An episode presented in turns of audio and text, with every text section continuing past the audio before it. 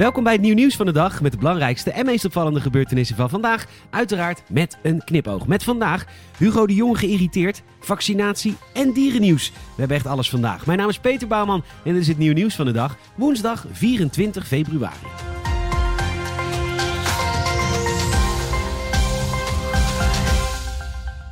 Gaat AstraZeneca nou minder vaccins leveren of niet? Nou, daar leek het gisteren wel op toen er berichten naar buiten kwamen dat de antivirusfabrikant maar de helft van de beloofde vaccins zou leveren in het volgende kwartaal. Nog geen 90 miljoen van de beloofde en vastgelegde 180 miljoen. Tot vanochtend, toen het bedrijf tegen de NOS vertelde de beloofde goedjes toch te willen leveren. Daarbij moet de helft geproduceerd worden in Europa en de andere helft ergens anders. Op het eerdere nieuws reageerde minister Hugo de Jonge gisteren behoorlijk geïrriteerd tijdens de persconferentie. Quote, aan de lopende band komen er wijzigingen in het leveringsschema om gek van te worden. Ja, inderdaad Hugo, constant plannen wijzigen en beloftes niet nakomen, dat is inderdaad om enorm gek van te worden. Hugo?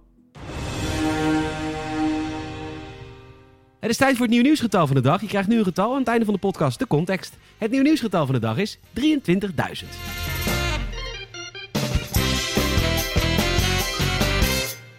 Nederland mag weer trots zijn, want de Amerikaanse medicijnwaakhond FDA heeft een analyse uitgebracht over het coronavaccin van de Leidse farmaceut Janssen. De Food and Drugs Administration beoordeelt de inenting als veilig en effectief. Dat meldt nu.nl. Het goedje zou een effectiviteit van rond de 72% hebben. Moederbedrijf Johnson Johnson sprak eerder over een voldoende bescherming van 66% van de gevallen. De ware autoriteit concludeert dat er geen ontoelaatbare gezondheidsrisico's zijn bij het toepassen van de prik en stelt dat deze in aanmerking komt voor voorlopige goedkeuring in de VS. En het grote voordeel? Je hebt maar één prik nodig. Nederland heeft 11,3 miljoen doses van het vaccin gekocht. En mocht je nou wat jonger zijn en geen onderliggend lijden hebben, die dure spullen van Pfizer en Moderna, die krijg je waarschijnlijk niet ingespoten, maar gewoon dit degelijke Hollandse goedje. De Europese medicijnwaakhond EMA verwacht halverwege maart hun oordeel te kunnen vellen.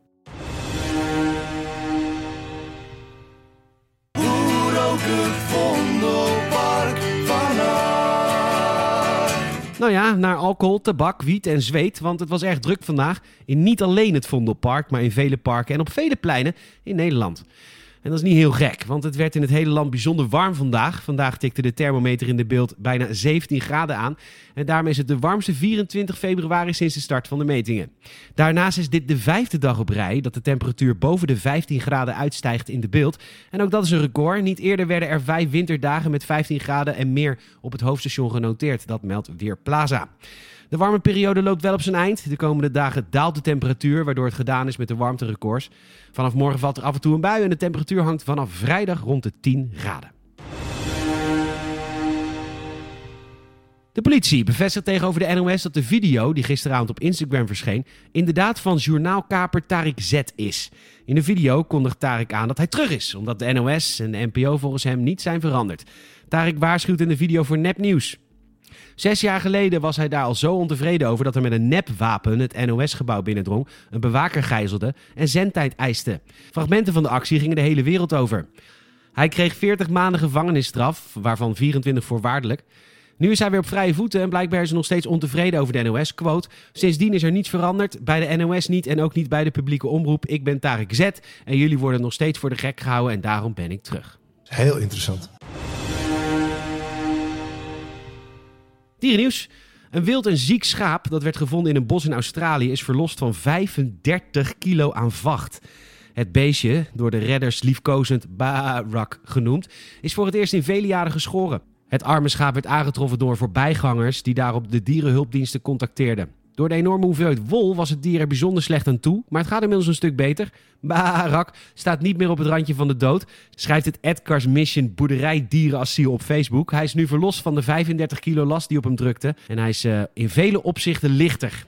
Niet langer zal hij hoeven te worstelen met voedsel en onderdak. Niet langer ligt zijn lot in handen van roofdieren of de elementen. En niet langer zal hij worden vergeten.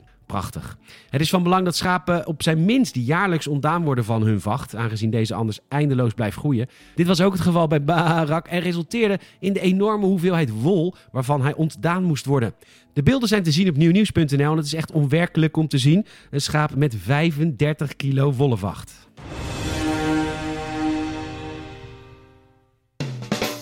Het nieuw nieuwsgetal van de dag is 23.000. Binnen anderhalve week tijd is in de havens van Hamburg en Antwerpen in totaal meer dan 23.000 kilo cocaïne onderschept.